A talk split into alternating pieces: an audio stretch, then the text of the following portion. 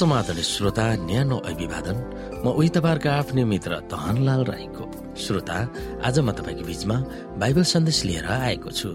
आजको बाइबल सन्देशको शीर्षक रहेको छ याकुब र एसा।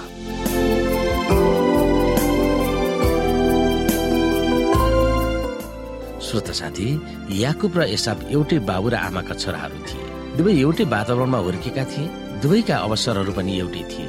यद्यपि ती दुई दाजुभाइका व्यक्तित्व वा चरित्रहरू एकदम फरक थिए। याकुबमा के गुणहरू थियो जसले गर्दा इसाकको आशिष पाउन योग्य हुन पुग्यो? हामी हेर्न सक्छौ यहाँ उत्पत्ति पच्चिस अध्यायको एक्काइसदेखि अब्राहमका छोरा इसाकको वृत्तान्त यही हो।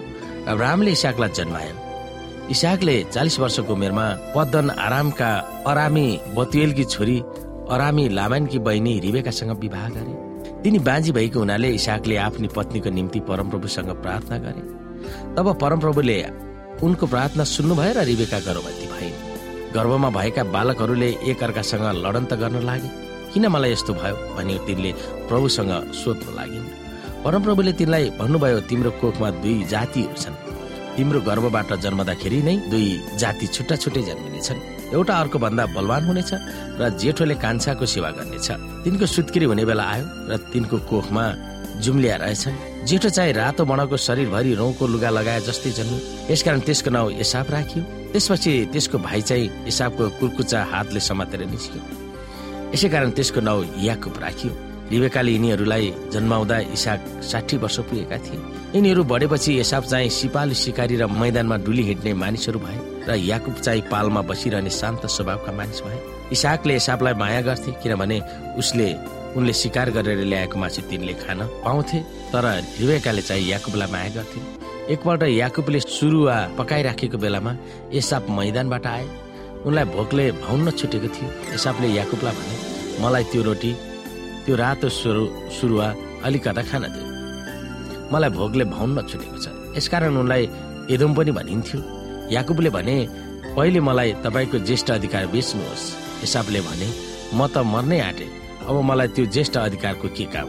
याकुबले भने पहिले शपथ खाएर मलाई भन्नुहोस्। तब उनले शपथ खाए र आफ्नो ज्येष्ठ अधिकार याकुबलाई बेचे। त्यसपछि याकुबले एसाबलाई रोटी र दालको सुरुवात दिए। खानपान गरेर एसाब आफ्नो बाटो लागे।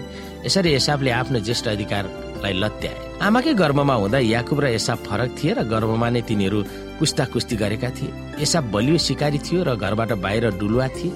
उसको विपरीत याकुब शान्त र नरम मिजाजको पालमा बस्दथे सायद उनी ध्यान गर्न पनि मन पराउँथ्यो होला। शान्त वा नरम स्वभाव भन्ने शब्द हिब्रू भाषामा टाम हो। यसको अर्थ निर्दोष पनि हो। जुन याकुबलाई मात्र होइन अयुब नुहालाई पनि प्रयोग गरिएको थियो। नुहालाई त्यही शब्दलाई निर्दोष पक्का भनेर प्रयोग गरिएको छ ती दुई दाजुभाइका फरक चरित्रहरू तिनीहरू हुर्केपछि अझ देखा परेको थियो। एक दिन शिकार खेलेर थकित भएर घरमा एसाब फर्केका थिए। तब उनी धेरै भोकाएका थिए। याकुबले उनलाई दाल सुप पकाइदिन्छन्। दाल सुपको पिठो बाँच्न आएपछि र देखेपछि त्यही दिनको भौतिक रमाइलो उनको निम्ति महत्व भएको थियो। उनको भविष्यमा जन्मसिद्ध ज्येष्ठको अधिकार पाउने कुरामा वास्ता गरेनन्। यस मामिलामा पावलले यसरी व्यक्त गर्दछन्। कोही पनि दुराचारी वा एसाब जस्तै अधर्मी नहोस् जसले एकचाक भोजनको लागि आफ्नो ज्येष्ठ पुत्रको जन्मसिद्ध अधिकार बेचिदियो तिमीहरूलाई थाहै छ पछिबाट आशीर्वाद पाउन खोज्दा पनि ऊ अस्वीकृत भयो किनकि उनले पश्चाताप गर्ने मौका पाएन। यद्यपि उसले आँसु बगाएर त्यो खोजेको थियो। परमेश्वरले अब्राहमलाई दिनुभएको प्रतिज्ञालाई उनको छोरोद्वारा अनुमोदन गरिएको थियो। त्यसलाई हिसाक र रिबेकाको तिनीहरूका आशाहरू र चाहनाहरूको केन्द्रबिन्दु बनाएका थिए। ती प्रतिज्ञाहरूको बारेमा हिसाब र याको परिचित थिए। जन्मसिद्ध अधिकारलाई अत्यन्तै महत्वपूर्ण मान्नुपर्छ भनेर तिनीहरूलाई सिकाइएको थियो। त्यसमा केवल भौतिक सम्पत्ति मात्र उपलब्ध हुने कुरो थिएन तर ठुलो आत्मिक आशिषको प्रमुखता पनि गाँसिएको थियो। जुन व्यक्तिले त्यो अधिकार पाउँछ त्यो व्यक्ति घरको मूल्य वा पुजारी हुन्थ्यो। उसकै सन्तानबाट संसारको मुक्तिदाता आउने थिए उनको दाजुको विपरीत याकुबको निम्ति भविष्यको आत्मिक आशिषको महत्वलाई उनले प्राथमिकता दिएका थिए। यद्यपि आमाको कुरा सुनेछ याकुबले जान जानी खुलियाम बुबालाई धोका दिन अघि सारे। त्यसमा उनले परमेश्वरको नाउँ लिएर पनि आफ्नो चालबाजीलाई जिते। केही कुरा असले भएको उनले थाहा पाएकोले उनले आफ्नो बाबुलाई भयानक तरिकाले छकाएर जन्मसिद्ध अधिकार खोसेको थियो। त्यसको नतिजा दुःखद थियो। त्यसले गर्दा बिग्रेको परिवार झन बिग्रियो। त्यसले घरमा नयाँ नयाँ समस्याहरू याकुबले असलै कुरो चाहेका थिए मूल्यवान र प्रशंसनीय कुरो चाहेका थिए। उनको दाजुको निम्ति त्यो खान महत्व थिएन। तैपनि याकुबले राजनीति वा चालबाजी खेल्दै झुट बोल्दै आफूले चाहेको कुरो हातमा लिए। असलै भए तापनि त्यसलाई पाउन त्यस खालको चालबाजी नखेल्न हामी पनि कसरी सचेत हुन सक्छौँ त्यो विषयमा हामी सोच्न सक्दछौँ।